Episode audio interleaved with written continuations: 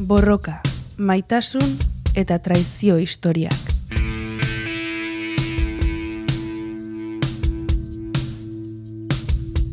Beatriz Rubioren azalpenak estitxu eizagirreren konpainian. Bueno, kaixo Beatriz. Gaixo estitxu, urrengoan egortuko zaitu nik lehenengo. Primeran. Bueno, eh, oraingoan lehenengo aldiz autore batek hartuko du osorik saio bat. Eta da Simon de Beauvoir, zergatik, a ber, kontatu zergatik merezi duen saio oso bat. bueno, guztiek merezi dute saio osoa, eh? baina eh, behin lehentasunak markatu ditugunean, eh, hasi ginean orain dela ja saio batzuk, eh, Christine de Pizan, Pauline de la goratzen bali mazarete, eta eh, haie izaten genien, dit, eh, bereien nolabiteko garaia, ditzen genien bidegabekerien memoriala edo, nola bezan, bizi zuten egoeren deskribapena. Bai? Zein zan, haien emakumeren egoera garai hartan.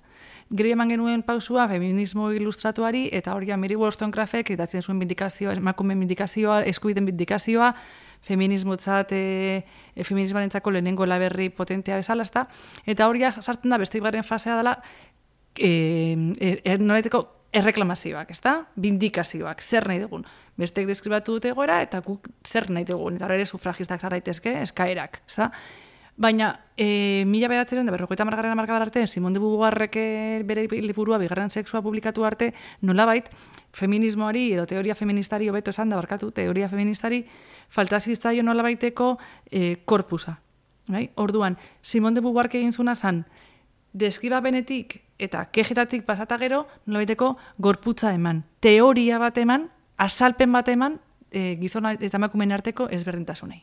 Bueno, aurrera aipatuko diguzu zehatzago bere teoriak eta zer esaten zuten, baina bera nola bizi izan duzen, zen izan zen bere biografia? Bai, bueno, aitona bankeroa zan, orduan ekonomikoki maila ona zeukaten, bai? E, bere aita eta amaren arteko eskontza, e, agian maitasuna egongo zan gero, baina beno, bintzat, paktatua izan zan. Eta egia da, Simonek bai aipatzen zula, bai, aita eta amaren artean, e, nolabait aita askoz aurrerako jagoa zela ama baino eta hor batutan hezkuntza mailan desadostasuna dela, ez? Eta amak izan omen zuen ba e, emasteak izan behar zuela, zenarra nahi zuela, norbait zenarrak moldeatu behar zuela emastea bere bere e, beharretara edo nolabait, ez? E, hor nolabaiteko zisma moduko bat gertatu zen, bankarrotara, bai, e, banke, e, aitona bankeroak bankarrota egon zan familian, orduan trasladoa, egin izan mudantza, egin izan zuten e, auzo xume batera. Orduan, ba, bueno, burgez maila batetik, langileen auzo, auzo batera trasladatu gintzan e, familia. Baina la ere, Simone berak aipatzen zuen, ez haurtzaro zorion izan zuen, eh? Egon zan, ikastetxe erlegioso batean, e, ikas, leona zan, idazlea izan nahi zuen, eta bueno, e, aldaketak balio izan zion ezagutzeko e, beste egitura sozial batzuk, ezta? Baina, bueno, zorion izan zen. Gero, Parizera trasladatu zen ikastera, filosofia e, ikastera, eta hor nola baita azten da, benetan, Simone de Beauvoir ezagutzen duguna, edo entzun dugunaren bizitza, ezta? Han e, filosofia ikasketetan, e, irakar izateko azterketa egiten ari zala, ezagutu zuen Jean Paul e, Sartre, eta hor hasi izan beraien arteko harremana. E, Simonen alde, zango dugu berak gainditu zuela azterketa lehenengoan, eta Jean Paul Sartre kirugarrenean. Baina, bueno, bitxik ere gisa.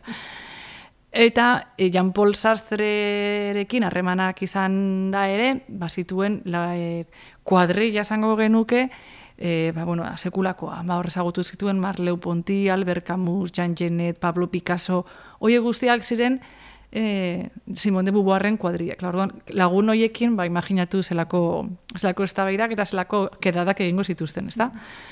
Orduan, bueno, e, Jean Paul Sastrerekin bidaia handiak e, bidaia, asko bidaiatu zuten, Bai, eta besteak beste, herrialde sozialistetara ere bideiatu zuten, ez? Ba, Txina, e, Soviet Batasuna, Kuba... Bai, eta batzuen gandik, lurralde batzuetatik gainera, gonbidapena jaso zuten ara juteko. Orduan, lurralde haietan, ezagutu zuten gertutik, ba, mugimendu sozialistak, marxistak, komunistak, eta beraiek ere nolabait, e, posizionamendu ideologikoa hortan zeukaten. Digero demorarekin, bizitzak aurrera egin ala, eta e, hainbat ezberintza biziala, Simonek behi agertu zuen nolabaiteko decepzioa edo desilusioa sozialismoarekin ez? Nola azkenean gizartea esan hainbeste eraldatu, eta nola emakumea lan munduan adidez e, txertatzeak edo asteak ez zuen emakumearen zate berdintasunik ekarri, baina bueno, Eta, bueno, beste bidaiaren bat ere egin zuen estatu batuetara, eta han egin zuen topo emakumen eta beltzen e, egoerarekin. Bai, pentsa behar dugu, e, e, Simon de Bua eta Jan Paul Zaz, Simon de Bua junzenean estatu batuetara, oraindik e, Amerikako estatu batuetako lege zibila ez egon onartuta, eta beltzek ez zituztela oraindik txurien eskubide berdinak. Eta emakumeak ere, gero ikusiko dugu pixka bat urrengo saioan, feminismo liberalarekin batera, e, zein zen emakumeen egoera e, gara jartan estatu batuetan. Hora, nor, azten da Simon de Bubar nolabait esaten, ez? E, e, ni ez da zinoi sentitu diskriminatuta emakume izateagatik, baina eta beste emakumeak. Eta beste emakumeak. Eta horazten daia baita ere, bigarren sexua bere obra idazten, eta hausnarketa sakona, baino sakonagoa egiten emakumeen e, egoera eta historiari buruz.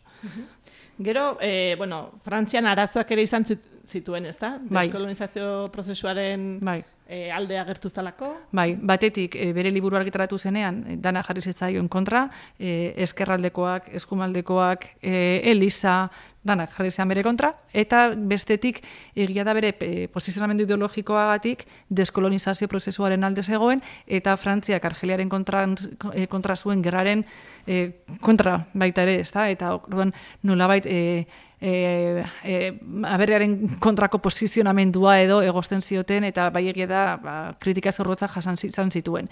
Hor deskonektatu egin zuen, agian kritika gatik edo, deskonektatu egin zuen, eta e, mila behatzen diru, eta sortzeko maiatzar arte, ez genuen nolabait berriz ikusi Simon, ez? Tan, garai, hor momentu hortan posizionatu zan argita garbi, bai ikasleen mugimenduarekin, bai em, e, feminismoaren mugimenduarekin, Moviment les, e, de Liberación por les Fems, MLF-arekin, gero MLF mugimendua, eta Ipar Euskal Herritik sartu zana e, Euskal Herriera ere bai, aurrerago, Eta hor bai, eta horreko saioko galderari erantzun da, orduan, mm, diru, eta sortziko maiatza eta gero, e, bere burua feministatzat join zuen.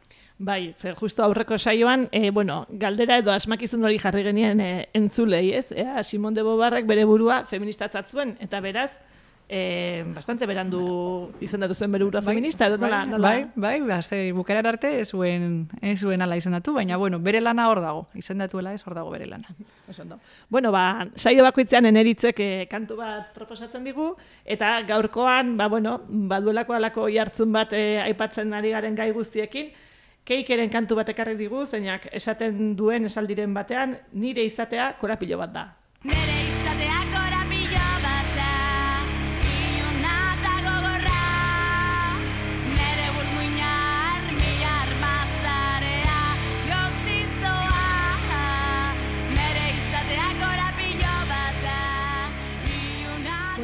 aipatu diguzu ja, e, bere obrak sekulako katarsia do eragin zuela gizartean, eta azaldu entzulei hola denok ulertzeko moduko hitzetan, zein den bigarren sexua liburuaren mamia edo. Vale. E, hau azaltzea, dia, bi mila, mila tapiko horriko e, obra azaltzea amar minututan, e, zaila da, eta bueno, zaiatukara lehenko txertzela batzuk ematen, eta gero entzulek, ba, nahi belima dute, ba, e, ginara euskeratuta dago ere bai, e, itzulita dago, orduan nahi duenak, ba, gerturatu alda, bale? E, volum, e, liburuak ditu bi volumen, eta lehenko volumenean da nolabait e, gizonak e, absolutua da, eta emakumea bestea. Orduan nolait azaltzen du e, emakumeak eta gizonen arteko desberdintasunak nundi datorzen, ezta? Orduan bere teoria e, existentzialismoan oinarritzen da eta nolabait dauzka lausutabe, bai? Orduan lausutabeiek dira batetik proiektua, hau da ideien mundua, guk zer egin nahi dugun, proiektu hori gauzatzeko egoera bat, bai? Zeinek askatasuna ematen digun, ala, kendu egiten digun proiektu hori aurrera ataratzeko, eta askatasuna ukatzen baldin badigu, onartzen dugun askatasun urraketa hori, ala ez. Gero, bain, egoerak e, e, nola izan dare, bueno, dago, e, trans, e, transcendentzia edo inmanentzia, hau da, proiektutik aratago juteko gaitasuna, edo proiektua ezin lortu izanak, ez, inmanentziara eramaten gaituena. Eta handik, eramaten gaitu, laugarren zuta bera dela, elkarrekiko tasuna da, bi kontzientzia elkarre ezagutzea. Orduan, Simon de Bubarak egiten duena da, lau zuta behoiek, gizonaren eta emakumeen arteko ezberdintasunak azaltzeko erabili. Nola, nola baita zaten du beak. Bat, proiektua, gizonak, emak, gizonen zapalkuntzak, ez digu emakumeoi, usten gure proiektua aurrera ataratzen.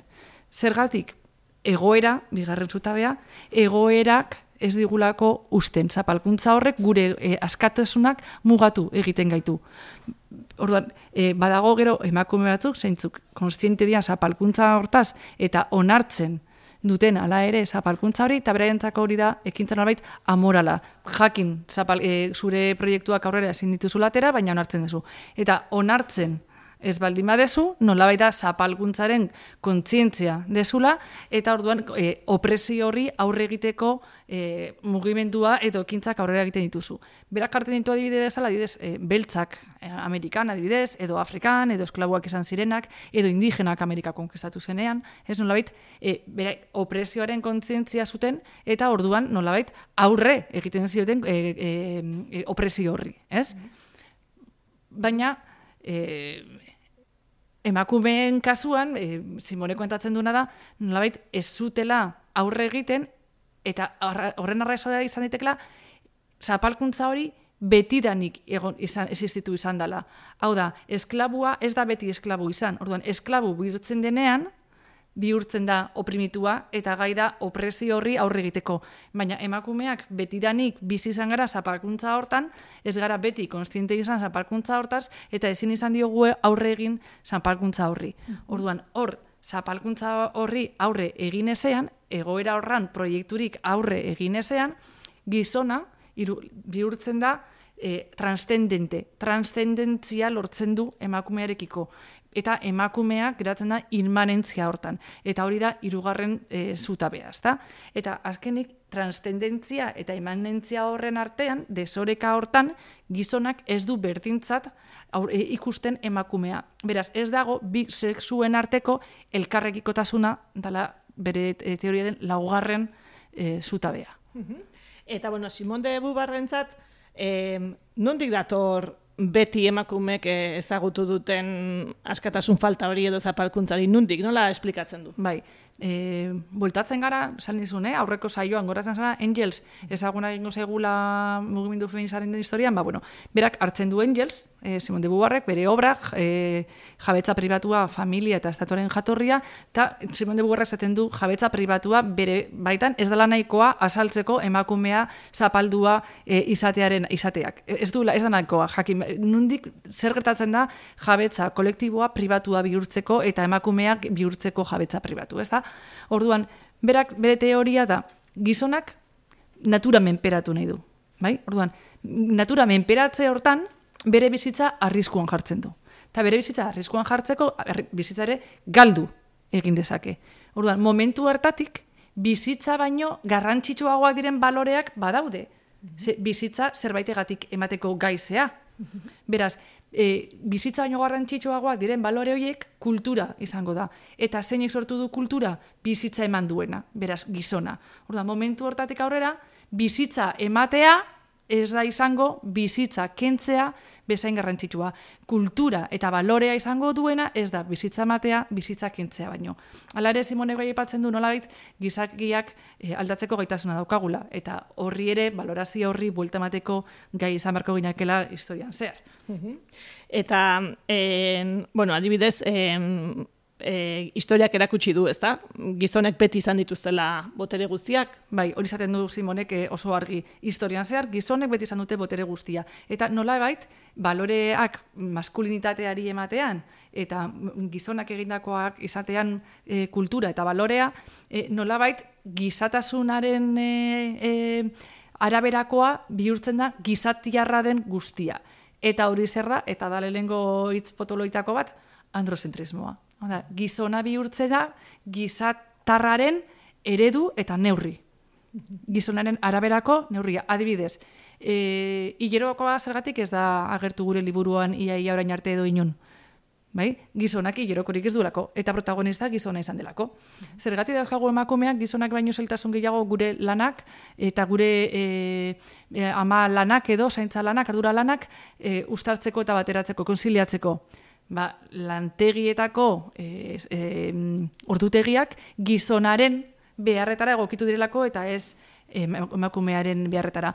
Edo zergatik orain ari dira zerrebisatzen e, botikaren efektu sekundarioak eta hauek guztiak ikertzen, zen e, dana dago eginda gizonaren fisiologiaren arabera, eta batzutan gerta daiteke emakumeek berdin esartzea.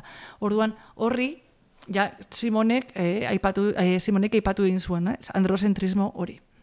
Eta bueno, androzentrismo aipatu duzu, eta emakumeak zergatik ez dio androzentrismo horren aurrean ba, bestea izateari utzi. Bai, esan duguna, ez da? Momentu batean, e, gizona, ez? Bihurtuko da e, absolutoa, subjetua eta transcendente, eta era berean em, emakumea bihurtuko da objektua, inmanente eta bestea.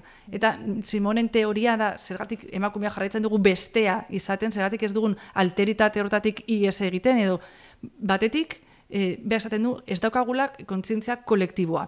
Claro, hoi kokatu bar dugu, mila bedatzen da berrogei garren urte inguruan, bale? Gaur egun, zorionez, da ikusten dugu, mugindu feminista kalean gizartean duen eragina, mitu, martxoak sortzeko manifestazioak, gaur egun mugimendu feministak bai lortu du, nolabait emakumeo kolektibo gisa antolatzea. Baina gara hartan falta zan urratxori. Eta e, kolektibotasun hortatik lortu ditugu azkenengo aurrera pausuak. Eta bestetik, behak ere salatzen du, ekintza moral bezala e, e, onartzea zaparkuntza, baina ez ere egitea aldatzea, aipatzen du nolabait, oprimitua eta oprimitzen duenaren arteko konplizitatea, ez da, ba, batzutan oprimitua bizitzea, bizitzea ere baditula bere abantaiak. Hor behar konparatzen du baita ere oso garrantzitsua bere oran jegelekin, e, morroia eta nagusiaren arteko erlaziotan, ez? Morroia eta nagusiaren e, teorian oinarritzen da baita ere. Mm Bueno, eta bere bigarren, esan duzu, e, bere obrak ditula bizati bezala, ez? volumen. Eta bai, bigarren volumenean e, dator bere saldirik ezagunena, ez da? Bai. Ez da emakume jaiotzen, emakumea egin egiten da. Hori da. Eta aurreko guztia, lehenengo volumena, bai da, e, aurrera pauso handia, asaltzeko, nolait, asaltzeko, zer gati da duen des, e, desberdintasunak eta desorekak eta e, diferentziak gizonak eta emakumen arteko egoeretan, baina bigarren volumen honetan, azten da beste pausu bat ematen, eta da generoa, Vale? Generoa sozializazioari buruz hitz egiten. Naiz eta bere obran genero hitza ez da agertzen, agerrago agertuko dan. Berak ez du generoa hitz egiten. Baina bai nolabait esaten du e, jaiotzetik gure gorputzek markatu egiten gaituztela jaiotzea. Ez berdina dela gizonezko gorputzarekin jaiotzea edo emakumezko gorputzarekin jaiotzea. Nolabait bakoitzari ja e, daukagun gorputzarekin ja egosten zaizkio hainbat e, betekizun eta funtzio, ez? Eta emakumea, emakume jaiotzeagatik nolabait ja alteritateari lotuta e, goazela, zeia amatasuna eta zaintzarekin lotzen da gure gorputza, orduan ja nolabait alteritateara kontenatuta gaudela, ezta? Orduan hor berak nolabait esaten duena da e, e, gure funtzi, gure gorputzari dela esparru biologikoa e, atxikitu egiten dizkiogula funtzio sozial batzuk eta hori dela irakurketa interpretazio kulturala. Eta justu, interpretazio kultural hori da gaur egun generoa deitzen diogun hori, bai? Orduan, bere obraren bere obra zehar, bai, asaltzen du emakumearen bizitzaren etapa ezberdinetan, ba, urtzaroa, gaztaroa, nerabetasun eta gaztaroa, emakume heldua, emakume nagusiak, nola e, eskuntzaren bitartez eta gizartean ikusten ditugun e, rolen bitartez eta imitazioaren bitartez juten garan genero e, sozializazio hori egiten, ezta? Eta orduan, berak zer esaten du, nolabait, e, desberdintasunaren, biologikoki desberdintasunaren desnaturalizazio hori egin behar dela. Hau da, berdin, berdindula nolakoa den gure gorputza, eta bako sali bat oso polita, ez, e, e, dugu e, e, nahi hau nuke hiltzea bera unikos bizitzea baino, ez da, ez dugu esan behar, ez da izenik ere, baina, adiez, Simon de Bubarre bai esaten du, obuluekin jaiotzeak, nau behartzen, bela unikos bizitzera, bai? Bai, hori Simonek esan zuen. Orduan, e, nola hori, e, rol sozialak eraldatu, ber, definitu, bai? Hau da, emakume izateak eta gizona izatea bere garaian Simonentzat ezberdina zan, biologikoki, baina horrek ez du zuen esan nahi, ez da nahikoa, ezberdintasun soziala, kulturalak, historikoak justifikatzeko. Bai? Eta horti dator urrengo olatuan, ja urrengo saioari, saioarekin pixkalotzeko, generoaren abolizioa. Bale, da, genero, gorputz bakoitzari egosten zezkion rolen abolizioa primeran. Eta bueno, urrengo saioa iragarriz bukatuko dugu saio hau eta beraz entzulei, ba, tarte horretan ze galdera utziko diezu pentsatzeko edo ze amu botako diezu jarri diezu asmakizun bai. Bueno, ez nuke esango inbeste gerra zibila, baina, bueno, e, feminismoaren barruan ze bikorronte egon zian hor elkar talka potenteak e, izan zituztenak. E, iruroge garran eta laroge garran bai, amarkadetan? Bai, ja, eta zigo gara ja, irugarren olatua, azkenengo e, fasearekin, ja, egogarren mendearen amaiera urbiltzen.